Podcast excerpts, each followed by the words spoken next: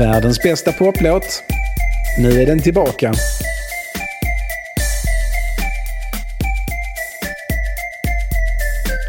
Vilken är bäst? Vi måste ha svar. Jag ligger vaken på natten, jag får ingen frid. Men det svaret är här utanför. Det är bara en fråga om tid, ja!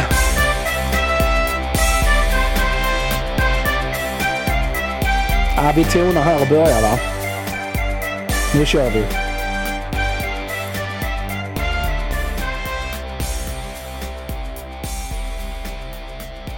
Hej Shabalobao!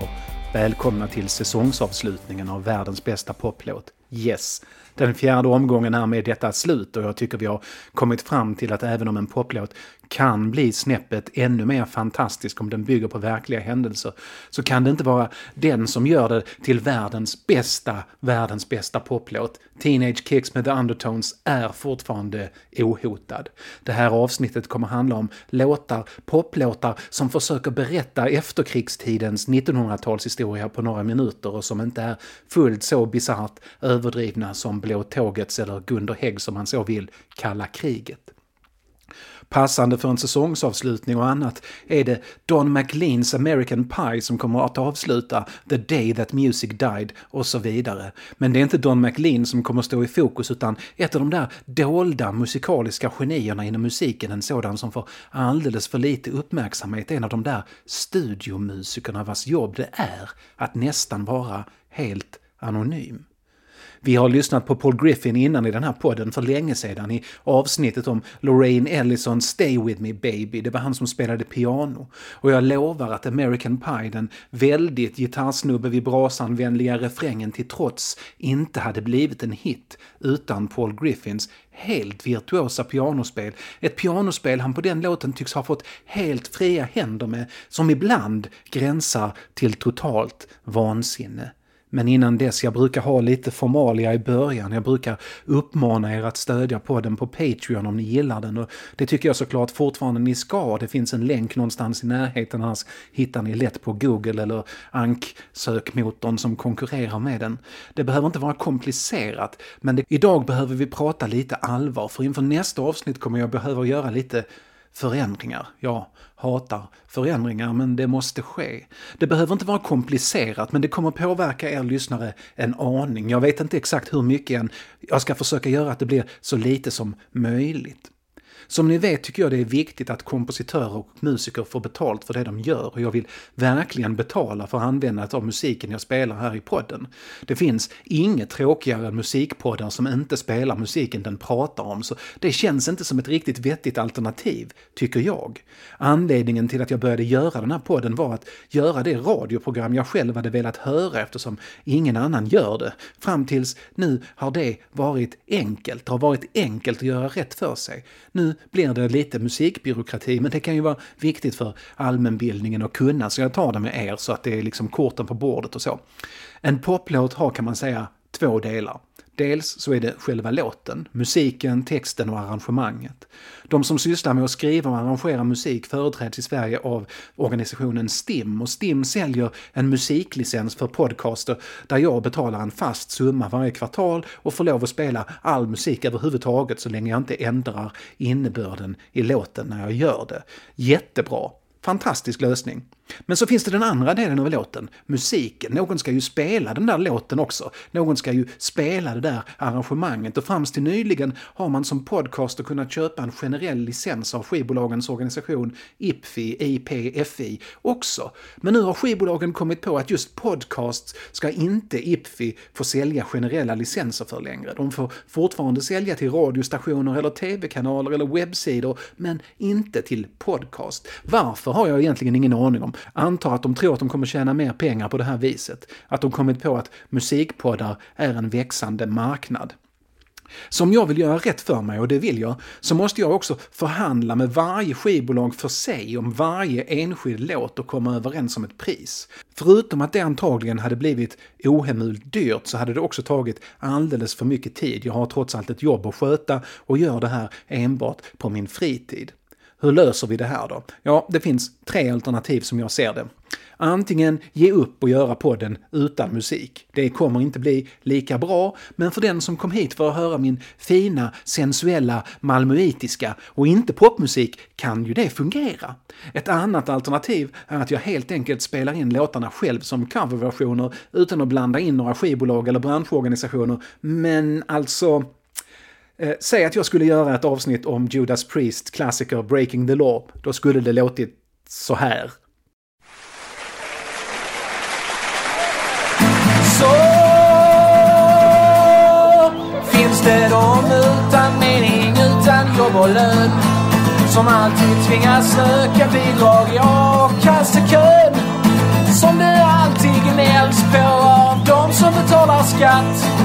Så här är jag vid en Statoil-mack för att få lite action i natt. Bryta lagen, bryta lagen, bryta lagen, bryta lagen. Bryta lagen, bryta lagen, bryta lagen, bryta lagen. Så mycket för den gyllene framtid, jag känner bara smärta. Varenda löfte har de brutit, bara vrede i mitt hjärta.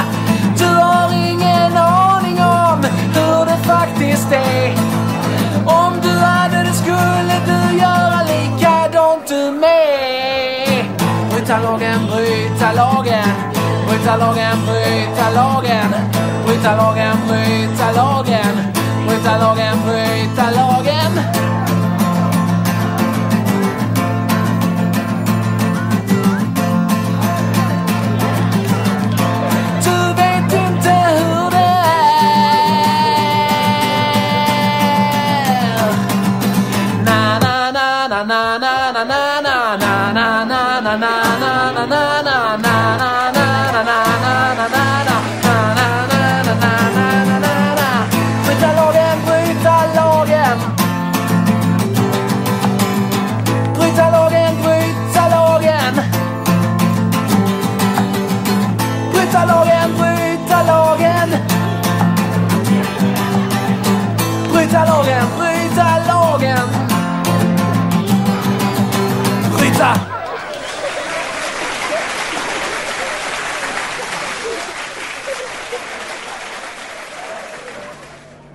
Som ni hör och förstår är det inget realistiskt alternativ. Men det finns ett tredje alternativ, Spotify.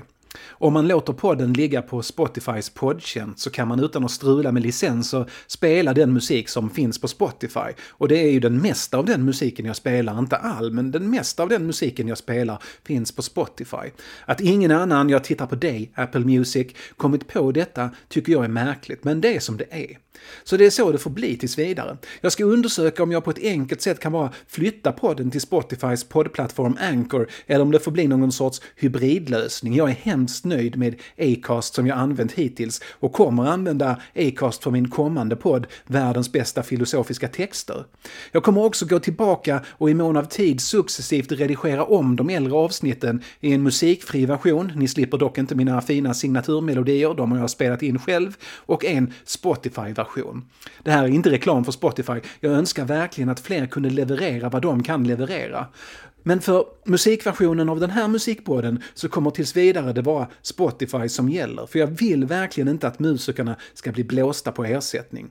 Coolt! Och med det, veckans avsnitt om poplåtar som berättar om det sena 1900-talets historia i allmänhet och pianisten Paul Griffin som med sin briljans tog en av dessa till topplistornas topp på båda sidorna av Atlanten. Men först en annan pianosnubbe för att liksom demonstrera genren.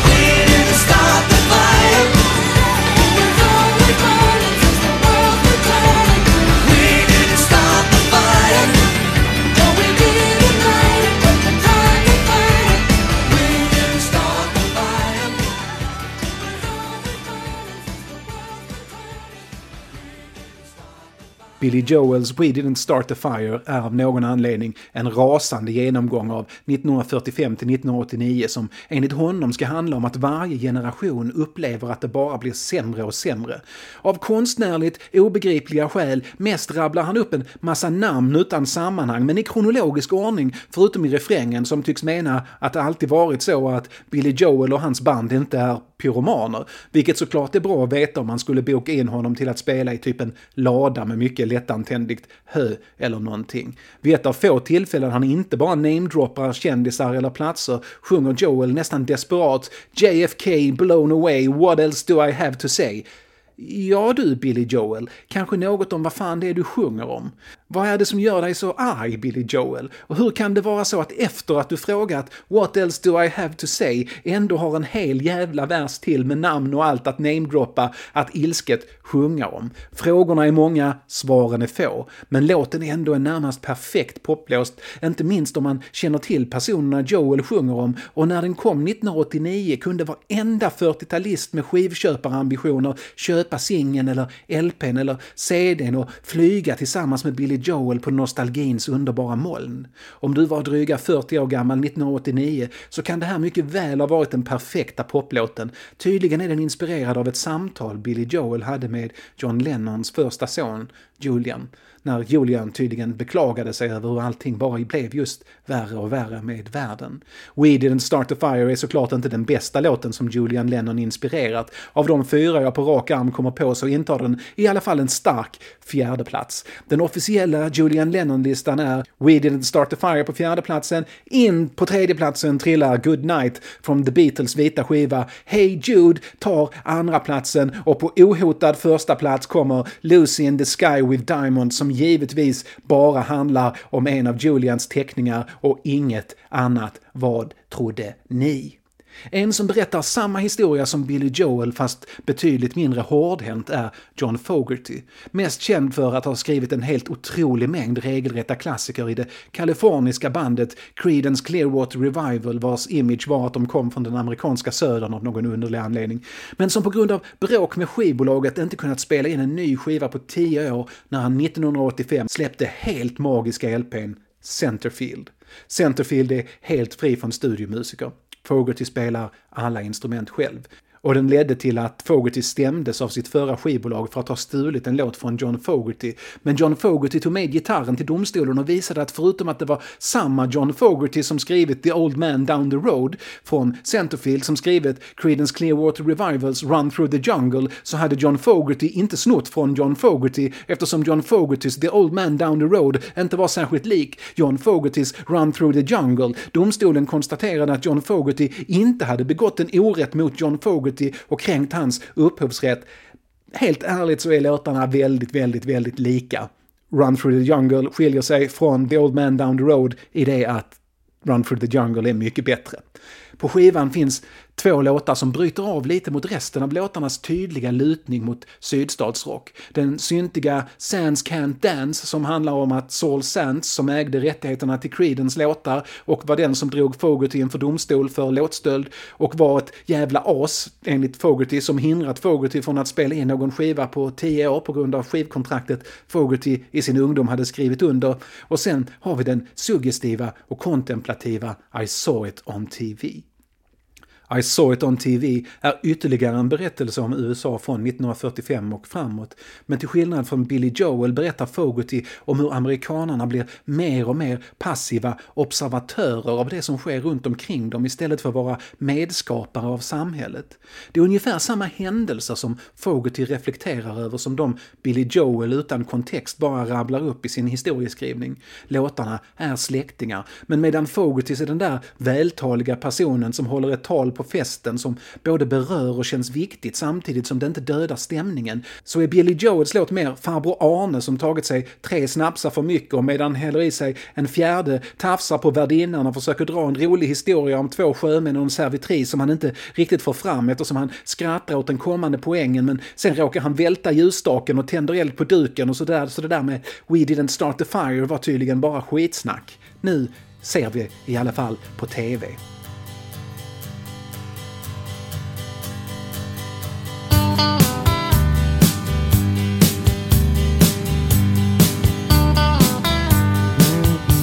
They sent us home to watch the show coming on the little screen. A man named Ike was in the White House, big black limousine. There were many shows to follow, from Hooter to Dutyville. Saw them all, I can't recall which cartoon was real. The coonskin caps, Yankee bats, the hound dog man's big start. The A-bomb fears, Annette had ears, I lusted in my heart. A young man from Boston set sail the new frontier, and we watched the dream dead end in Dallas.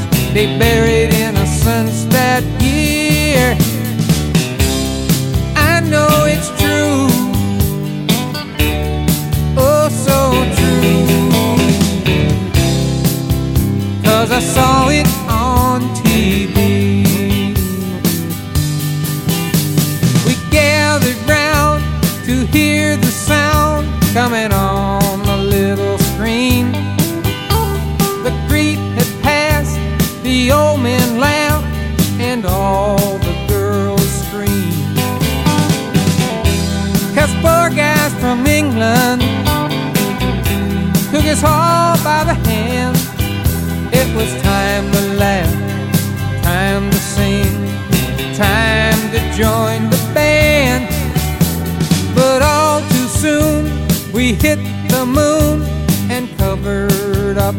sky.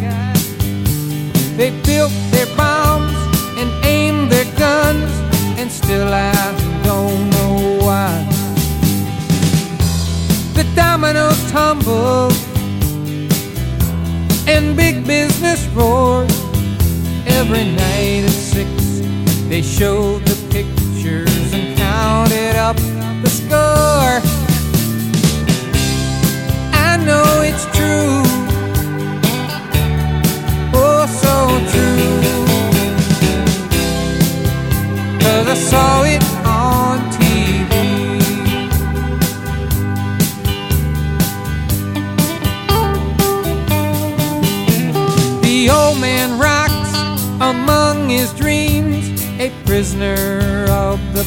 The light, he says, at the end of the tunnel was nothing but a burglar's toy.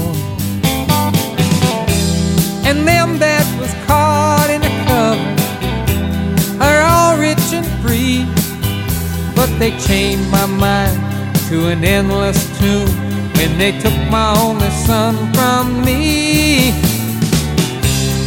I know it's true. true.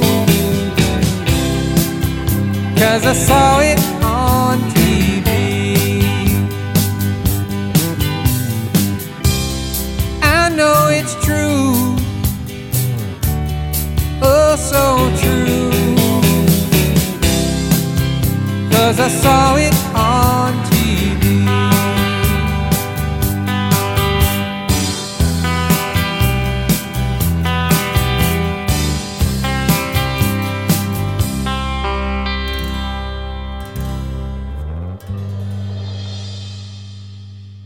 Fogerty använde sig inte av studiomusiker. Han hade inget band, han gjorde allting själv. Det skadar skivan, kan man tycka i alla fall. Hade han plockat in en trumslagare och en basist så hade Centerfield gjort honom till en lika stor artist som Springsteen på 80-talet, det är jag nästan övertygad om. Men å andra sidan kanske Fogerty verkligen behövde göra en skiva som bara var hans egen från början till slut. Den är personlig och unik och underbar som den är. En som inte tänkte så var Don McLean när han 1971 skulle spela in sin amerikanska historia. McLean hade fått ett mindre genombrott året innan med sin debut-LP och var en av tusentals unga män med gitarrer som kom fram under den andra vågens amerikanska folkpopmusik som kallades för den nye Dylan. Precis som Loudon Wainwright den tredje vi pratat om i tidigare avsnitt för övrigt. När skivbolaget United Artists hör låtarna McLean kommer med till sin andra skiva inser de direkt att här finns det två hitlåtar. En låt om Vincent van Gogh som heter Vincent och så American Pie. De beslutar sig för att storsatsa och McLean får plocka in precis vilka musiker han vill för att göra de här två låtarna. Och det gör han. Och det gör att båda blir ettor på Billboards Hot 100-lista. American Pie hade redan från början liksom klassiker skrivet över hela sig, det fattade alla. Det gällde bara att inte fumla bort att inte slarva. Tidigt fattas beslutet att den ska släppas som singel i hela sin 8,5 minut långa längd. Texten är nästan lika obegriplig som Billy Joels, men lite mer avgränsad. Den handlar om tiden mellan att Buddy Holly, McLeans första riktiga idol, dog i en flygplansolycka tillsammans med Richie Valens och J.P. Richardson som då uppträdde under namnet The Big Bopper. Några av de tidiga rock'n'roll-pionjärerna dog. McLean läser om olyckan och dödsfallen när han viker ihop tidningarna han ska dela ut som tidningsbud som 13-åring och han cyklar sin tidningsrutt med tårar i ögonen. Det där var dagen musiken dog för honom, lite grann.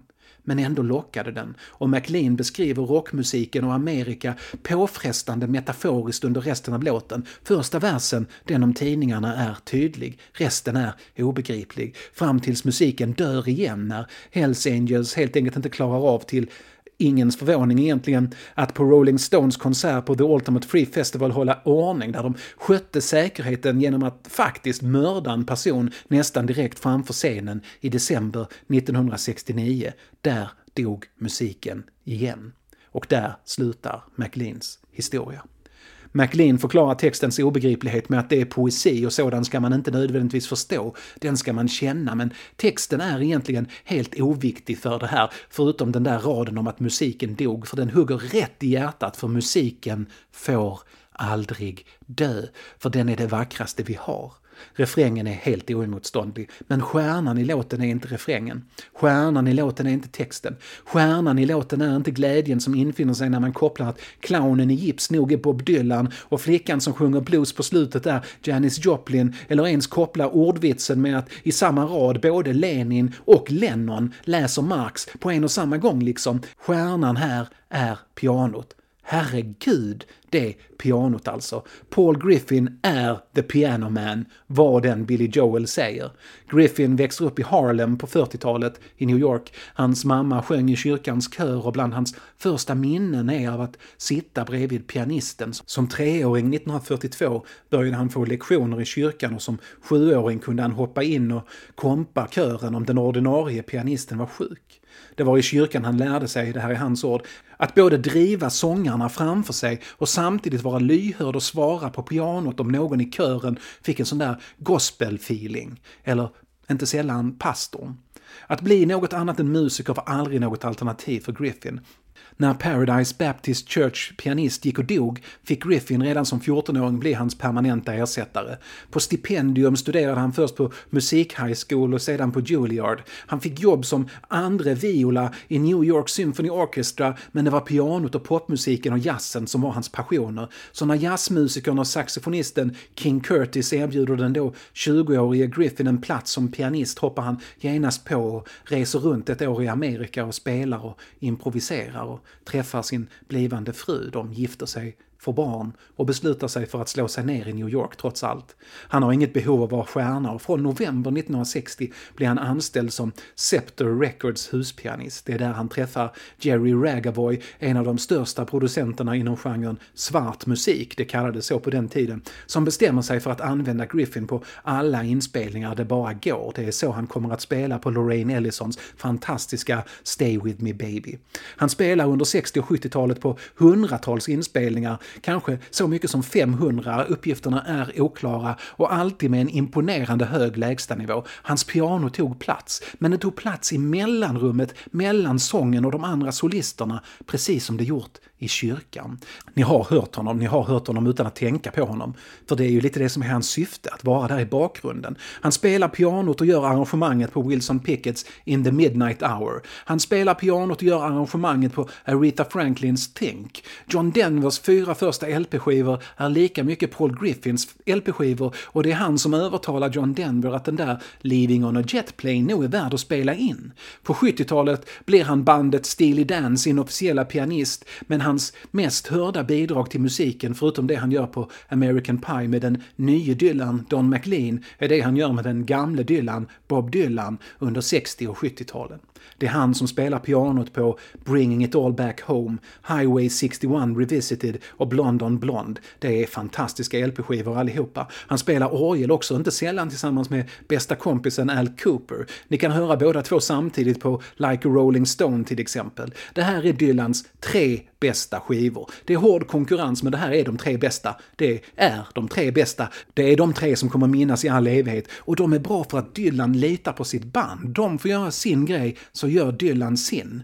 1965 och 1966 är Dylans främsta år som artist. Nio år efter Blond on Blond ber Dylan Griffin komma tillbaks för en skiva till och det blir nästan lika enastående Blood on the Tracks från 1975.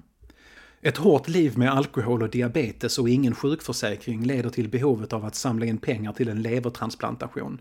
Det är ett villkor som är sorgligt för många av de musiker som spelade på de där skivorna på 60 och 70-talet, att de saknade sjukförsäkring i sina anställningskontrakt. 1999 behöver Griffin en ny lever. Det är inte billigt, men Steely Dan tar kommando, skriver brev, ringer de skivbolag Griffin spelat in för, kontaktar artisterna som älskar honom på bara några veckor får de ihop till att finansiera både transplantationen och eftervården. Don McLean lovar att donera framtida intäkter från American Pie om det behövs. Det behövs inte, för Griffin dör 61 år gammal i en hjärtinfarkt år 2000 efter att ha väntat i nästan ett år på att det ska dyka upp en passande lever. Det var med största sannolikhet bristen på lever som ledde till den där hjärtinfarkten. Vänner, lyssnare, allihopa, skriv upp er i donationsregistret. I Sverige Sverige har vi lyxen att kunna få organtransplantationer utan att behöva ringa våra rockstjärnekompisar för att fixa finansieringen. Men det hjälper inte om det inte finns några organ. När du är död behöver du inte dina organ längre eftersom du är död. Låt någon annan få dem. Det är ogint att ta med sig sin lever i graven när den hade kunnat rädda en annan människas liv. Jag kan inte tänka mig något som är mer snålt och rent ut sagt elakt. Gör det nu! Skriv upp er! Och när ni gjort det så tänker vi på alla de nästan anonyma studiomusiker som gjort vårt liv otroligt mycket bättre. Vi hörs, nästa säsong blir ett äventyr och här kör vi inte med pauser mellan säsongerna så det blir snart. A long, long time ago, I can still remember how that music used to make me smile. And I knew if I had my chance that I could make those people dance and maybe they'd be happy for a while. But February made me shiver with every paper I deliver. Bad news on the doorstep. I couldn't take one more step. I can't remember if I cried when I read about his widowed bride. but Something touched me deep inside the day the music died. So bye bye, Miss America. American pie. Drove my Chevy to the levee, but the levee was dry. And them good old boys were drinking whiskey and rye, singing, This'll be the day that I die. This'll be the day that I die. Did you write the book of love?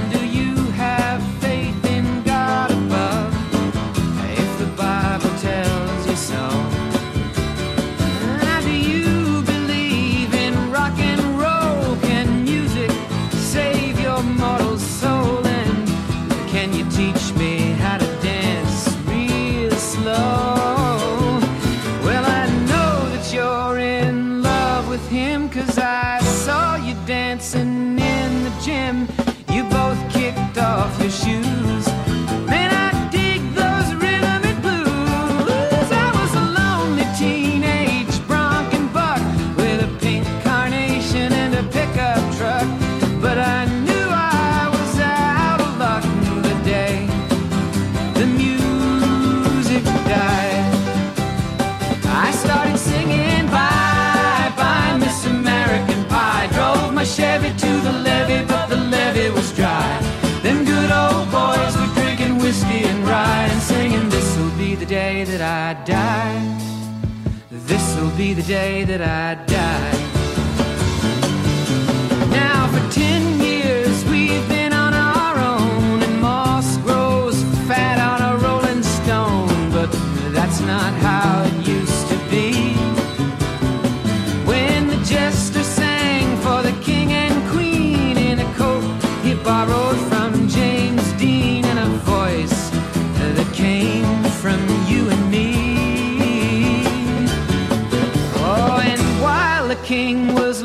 down. The jester stole his thorny crown.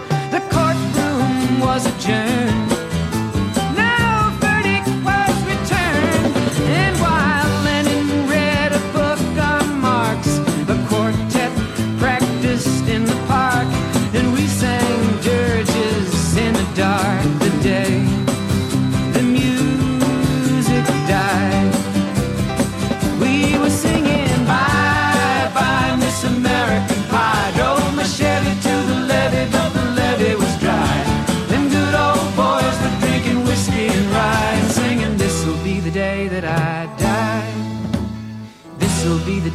that I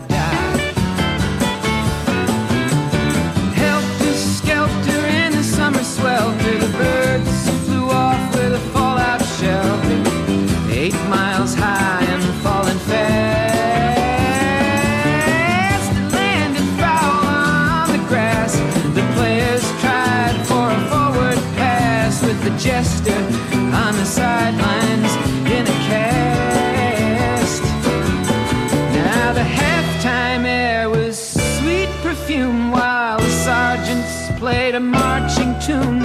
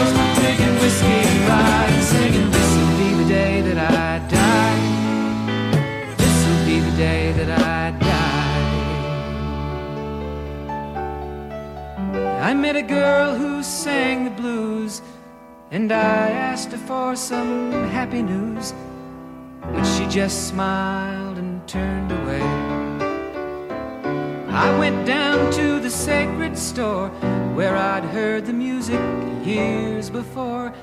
But the man there said the music wouldn't play. And in the streets the children screamed, the lovers cried, and the poets dreamed but not a word was spoken. The church bells all were broken, and the three men I admire most the Father, Son, and the Holy Ghost they caught the last train for the coast the day the music died, and they were singing. Bye bye, Miss American Pie. Drove my Chevy to the levee, but the levee was dry. And them good old boys were drinking whiskey and rye, singing, This'll be the day that I die.